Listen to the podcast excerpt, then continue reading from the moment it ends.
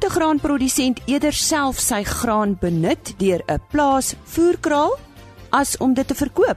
Nou ja, dis een van die vrae wat WA Lombard vanoggend op RSG Landbou beantwoord. Verder praat ons oor aasvoëlgetalle en wat die oorsaak is waarom hierdie getalle so afneem.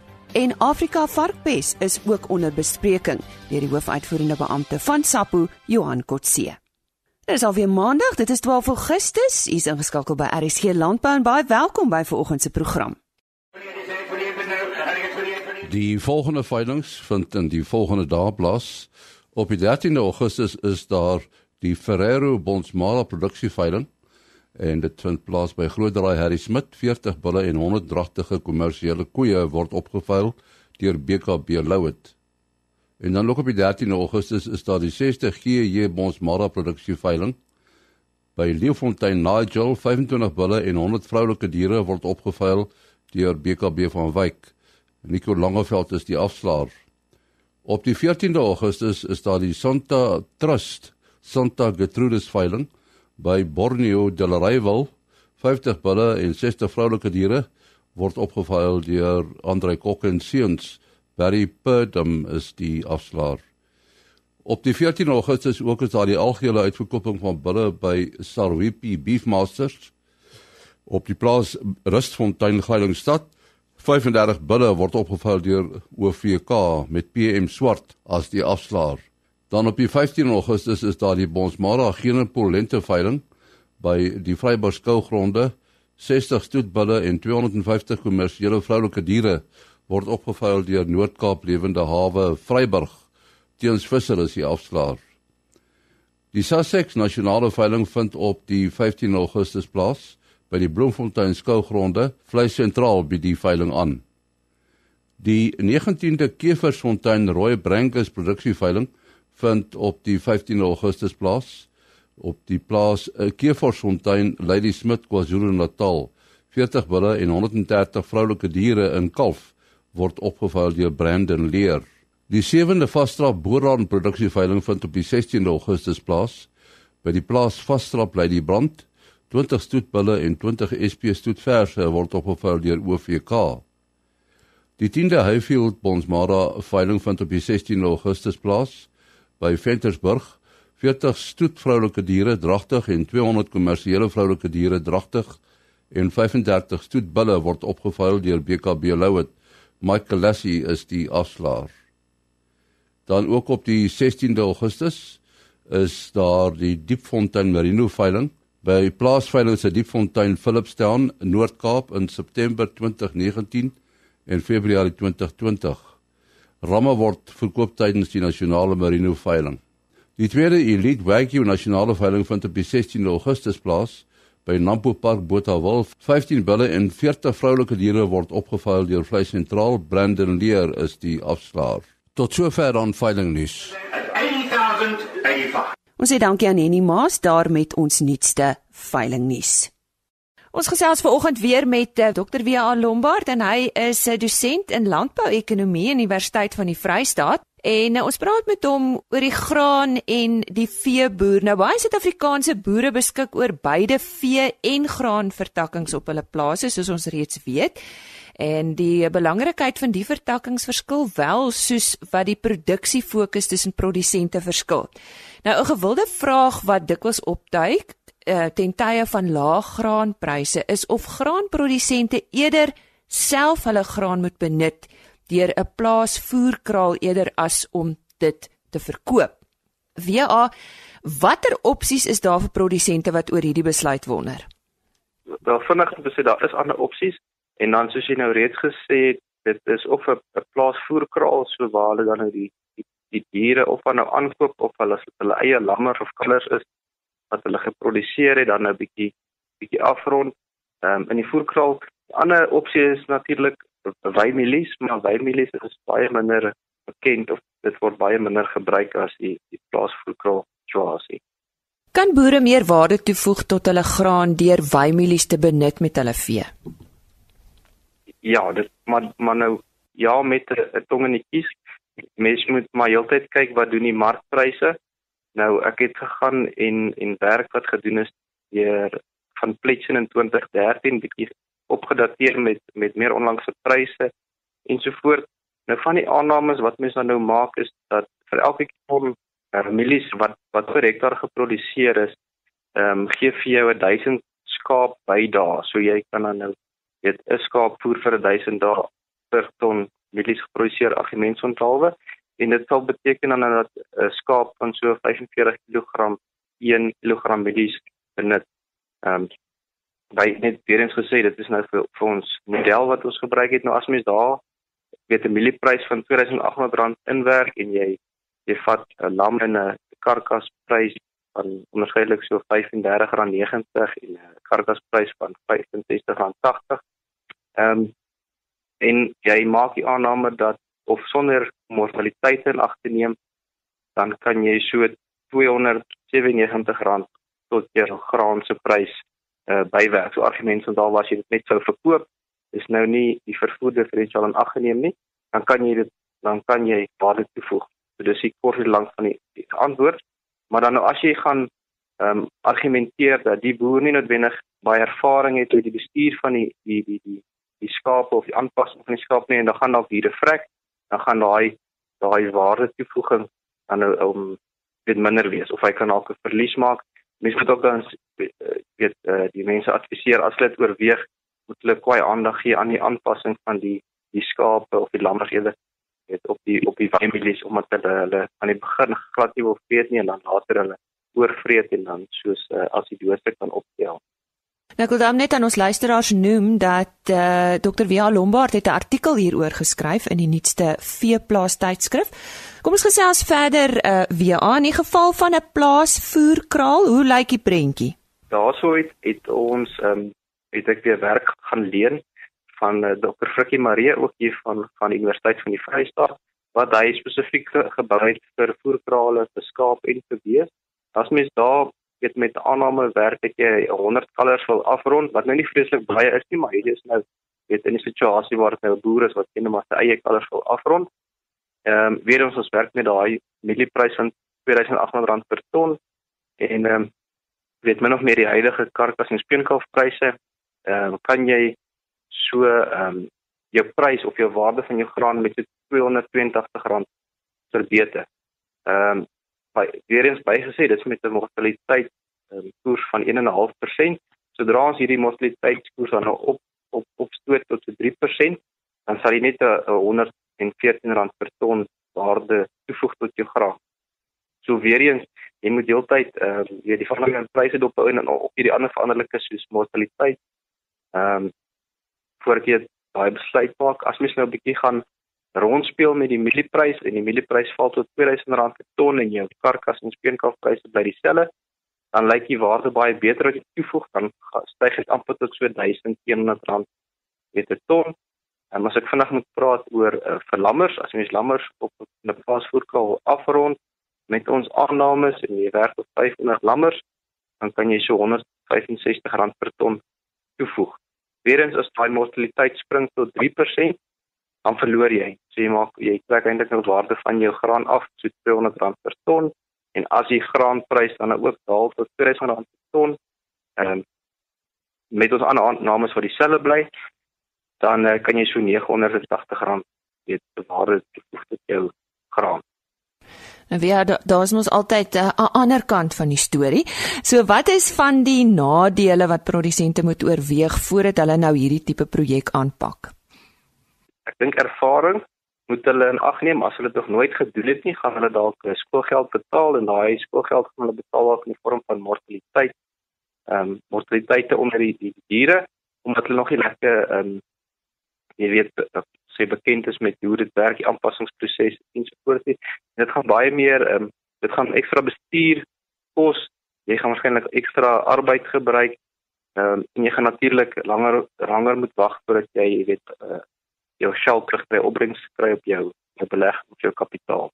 Nou ja, sê baie dankie aan dokter eh, Via Lombard, hy's van uh, die Universiteit van die Vrystaat. Hy's 'n dosent daar in landbouekonomie en hy het bietjie met ons gepraat oor eh, 'n uh, gewilde vraag wat dikwels opduik en dit is um, ten tye van lae graanpryse, moet graanprodusente eerder self hulle graan benut deur 'n plaasvoerkraal eerder as om dit te verkoop en indien jy verder hieroor wil lees, gaan uh, koop gerus die Veeplaas tydskrif hy's nou op winkelrakke beskikbaar en um, dit is die Augustus Veeplaas. Ons gesels volgende oor aasvoëlgetalle. Nou Afrika se aasvoëlgetalle het in die laaste dekades geweldig afgeneem. So byvoorbeeld het die witrug-aasvoël wat in die verlede so algemeen was, se getalle tot so 'n mate afgeneem dat hulle nou as kritiek bedreig beskou word.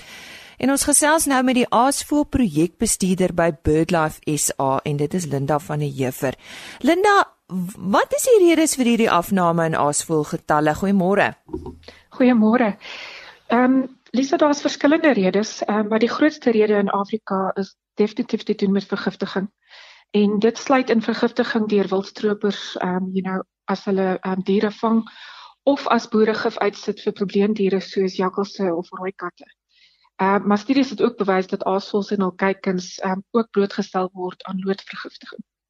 Nou ek weet hier op RC Landbou het ons al talle kere hieroor gepraat en telefoondrade weet ek is ook een van die kwessies wat 'n bedreiging ja. vir hulle is. Hoe vergelyk dit nou ehm uh, met vergiftiging? Uh, telefoondrade is definitief 'n probleem. Ons sal nie dit ontken nie, maar dit is by verre ehm um, nie so erg soos vergiftiging nie. Inteendeel, ehm um, die tweede grootste rede vir aasvoël se afname in Afrika is ehm um, mense wat dit vir geloofsredes ehm um, wat diere vir, vir geloofsredes doodmaak. Dis hartseer. Wat ja. is die status van Suid-Afrika se aasvoëls op die oomblik? Dis ons het 9 spesies, ehm um, waarvan 3 van hulle kritiek kritiek bedreig is en dit is een stap weg van ehm um, uitwissing. Ja. En jy het vroeër gepraat oor lood. Hoekom is lood so giftig vir aasvoëls? So lood is 'n swaar metaal wat uiters giftig is vir enige lewende organisme, um, insluitende mense. Die liggaam neem dit op in steede van kalsium en dit verswak onder andere die liggaam se vermoë om suurstof op te neem. Uh dit tas elke stelsel in die liggaam aan, uh veral die senuweestelsel en 'n aasvoël wat loodvergiftiging het, sal nie behoorlik kan vlieg nie hulle vlieg in infrastruktuur vas. Hulle lê eiers wat ehm um, nie behoorlik ontwikkel nie en ook ehm um, in kykens het hulle gevind dat hulle ehm um, skelette baie ehm um, brittel is, soos die Engelsers sal sê. Bros, ja, ja. Bros, dis reg. Uh kom ons praat so 'n bietjie verder uh, oor loodvergiftiging. Wat wat is die uh, simptome by 'n aasvoël?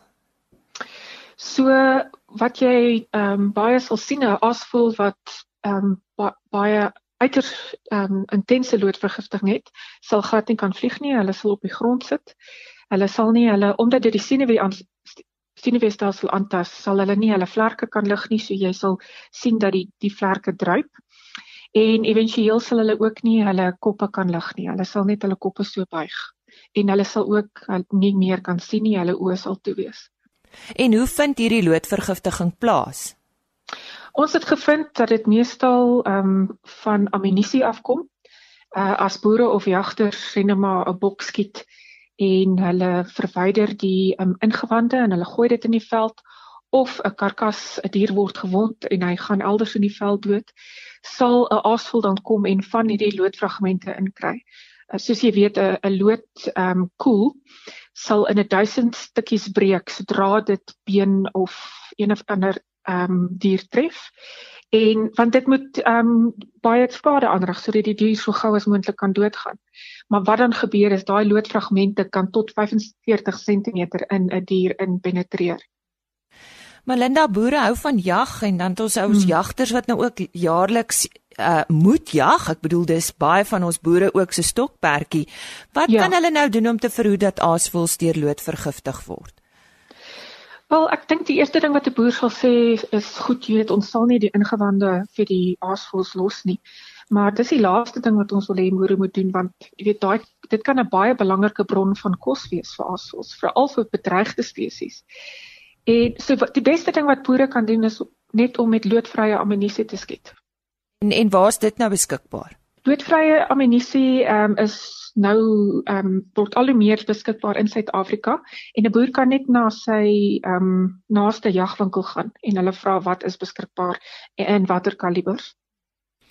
In die algemeen uh, dit is nou 'n interessante gesprek wat ons nou het met uh, Linda van die Heever, sy's van BirdLife uh, um, SA en uh, vir die van van u wat nou eers by ons aangesluit het, ons praat met haar oor ons asvoelgetalle en ons weet dat uh, hulle erg bedreig word. In die algemeen, wat is aasvoël se rol in die natuur en hoekom is hulle so belangrik, Linda? O, hulle speel 'n geweldige belangrike rol um, in die sin dat hulle karkasse verwyder.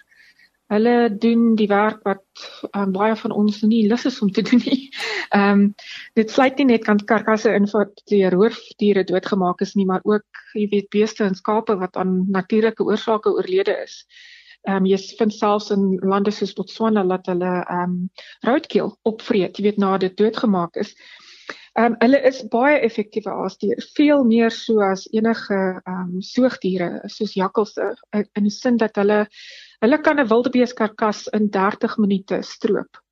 En dit verhoed dat jy nou dat dat tyd is vir ehm um, bakterieë om te ontwikkel soos soos die ehm um, groot vrees vir miltsiekte en dan ook verhoed dit dat ehm um, soogdiere versamel om karkasse want dit verhoog die tyd wat soogdiere met mekaar omgaan jakkalse en ehm um, jy weet hyenas en leeu's wat met mekaar ondergang. En dit kan siektes versprei soos hondstolheid want jy weet mense word blootgestel aan ehm um, wilde honde wat by kas, karkasse versamel. En hulle gaan dan in mense se lewensareas in en dit kan mense blootstel aan hondstolheid ook Nou ja, my ore en oë het letterlik oopgegaan uh, tydens hierdie gesprek en dit was aan Linda van den Heever van uh, BirdLife SA. En sy is projekbestuurder op aasvoëls en uh, sy het met ons gesels oor die getalle wat so geweldig afneem en interessant genoeg die loodvergiftiging. So um, ons boere, die jagseisoen is nou al soort van verby, maar onthou volgende jaar om uh, te sorg as jy ammunisie aankoop dat dit loodvry is. 'n Hele paar gevalle van Afrika varkpes is die afgelope ruk in verskeie dele van Suid-Afrika aangemeld, soos ons luisteraars en uh, produsente reeds weet. Nou hierdie siekte wat varkkolonies baie vinnig kan uitwis, het ook in die wêreld eh, 'n uh, groot uh, effek op varkprodusente. Nou China gaan neskrop en uh, kenners meen dit het nie net 'n enorme impak op die bedryf nie, maar selfs die wêreldekonomie. En uh, ons gesels nou met Johan Kotse van uh, SAPU. Hy is dit's natuurlik die varkprodusente organisasie. Johan, gee net eers vir ons agtergrond oor die gevalle wat van Afrika varkpes wat nou in Suid-Afrika aangemeld is uh, die afgelope paar maande. Lise, ons is nie uh onbekend met varkpes in Suid-Afrika nie. Ek wil net eers vanaand sê dis nie varkgriep nie. Daar's 'n baie groot verskil tussen die twee. Varkpes is regtig dit dit uh raak slegs die varke en nie die mens self of verbruiker van varkvleis nie. So ons is nie onbekend daarmee in Suid-Afrika nie. Ons het al varkpes uitbrake gehad in 2012. Ons het vlede jaar dat ons 'n kleintjie gehad bo in die Noord-Kaap.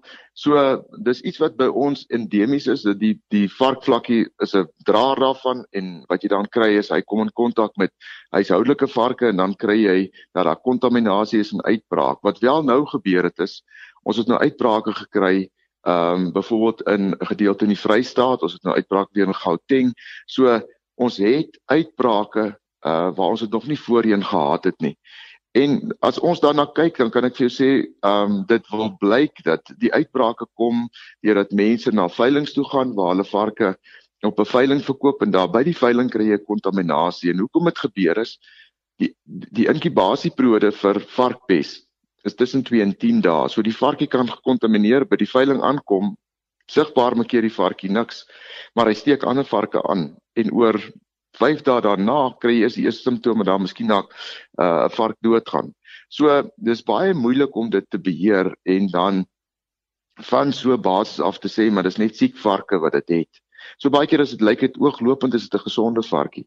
So ons het uitbrake, die uitbrake is baie gelokaliseer. Dit beteken dis in 'n sekere streek Ehm um, dis nie in kommersiële varkboerderye nie, dis in semi-kommersiële wat ek daarmee bedoel is regtig klein Uh ons het dit in gemeenskapsboerderye kry mense dit en dit is bloot oor die produksiemetode wat gebruik word dat daar nie 'n uh, afbakening is van varkies uh wat hulle nie met mekaar in kontak kom nie en wat jy dan kry dan kry jy 'n kontaminasie en dan versprei jy so die siekte. So ek ons is nie is ons bekommerd daaroor in Suid-Afrika. Ja, en ek dink 'n mens moet dit reg verstaan. Die bekommernis gaan daaroor dat ons die Suid-Afrikaanse kudde moet beskerm. En as ek sê kudde dan beteken dit van die kleinste boer tot die grootste boer. En ons doen ons uiterste bes saam met die staat om dit wel te kan doen, maar ons is ehm um, ons is versigtig optimisties om te sê ek dink ons bestuur dit baie goed. Ek dink jy kan dit ooit beheer nie want jy kan nie die die gedrag van mense beheer nie. En mense is die grootste verspreider van van varkpes. Uh want die mens beheer die vark en die mens beheer vleis wat hy van een gekontamineerde uh plek af vat na 'n volgende plek toe. So ons is nie bekommerd daaroor nie, maar ons besef terdeë wel die impak wat dit het, het op die op die moontlike impak op die varkkudde in Suid-Afrika. Wat is die mees doeltreffende metode om hierdie verspreiding van die siekte te keer? Ja, ons is al deur soveel werksessies in in dinkskole om hierdie ding bymekaar te maak. Ek wil eers gou net sê is uh dit wat jy toepas in die Europese omgewing en standaard en wat jy daar het, is nie altyd toepasbaar in die Suid-Afrikaanse omgewing nie. En dit gaan bloot oor die metodiek wat ons volg en hoe ons mense boer met varke. Ehm um, dis baie anders. Dis ons dink op 'n heel ander manier en ek kan vir jou sê Afrika varkpes ehm um, die virus self is nie ons grootste uitdaging nie. En jy moet my hoor as ek dit vir jou sê, die die gedrag van die mens wat die virus toegang gee tot 'n vark is die grootste uitdaging. En ons groot uitdaging vandag is om om 'n uh, ehm um, die die die optrede van die mense, die gedrag van die boer, van die verbruiker, so te kry dat ons onsself kan beskerm. En as ons dit reg kry, dan kan ons tot 'n mate dit bekamp. En wat ek daarmee bedoel is bloot dat die mens glo dat dat ehm um, in die kleinboer wel baie goed ingelig is oor die effek van Afrika varkpes. Ehm um, ek wil die swaar daarvan is as daai varkpes in jou omgewing is, sê ek nou vir jou waar jy is, is 'n kwessie van tyd en jy het 100% uh mortaliteit. Dis regtig 'n ongelooflike virus baie stadig om te versprei versprei nie maklik nie maar kan wel versprei deurdat die mens die verspreider is daarvan. En dit gebeur gewoonlik waar ons 'n vark misloop waar jy byvoorbeeld in kontak kom met een varkie en 'n ander varkie vat. Dit kom daar waar varkies mekaar kontak het. So die die mooi van dit wat ons sien uit die uit die moeilike omstandighede waar ons is is ons wil anders moet dink. En die, die eerste denke is om te sê ons moet die gedrag van die mens verander.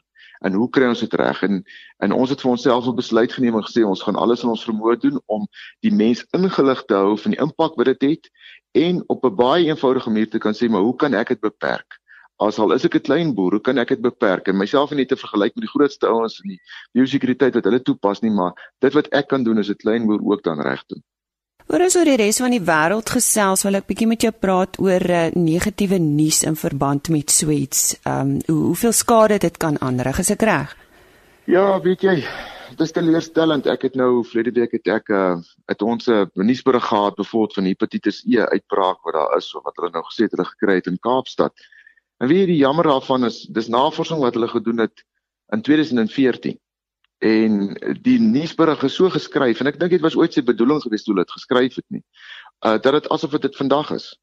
En weet jy ek al die negativiteit wat ek nou weer moet hanteer met die televisie wat hier is in uh, koerante wat jou bel en vra maar is daar is dit nou die nuwe is dit nou die volgende na ASF is dit nog na Listeriosi nou weer 'n opvolg daarna. En ek het maar net besef, weet jy, ons is so gewoond daaraan om die negatiewe te gaan soek en iets daarvan te maak en dan miskien dalk 'n berig te verkoop dat ons al die vermoë verloor het om positief te dink.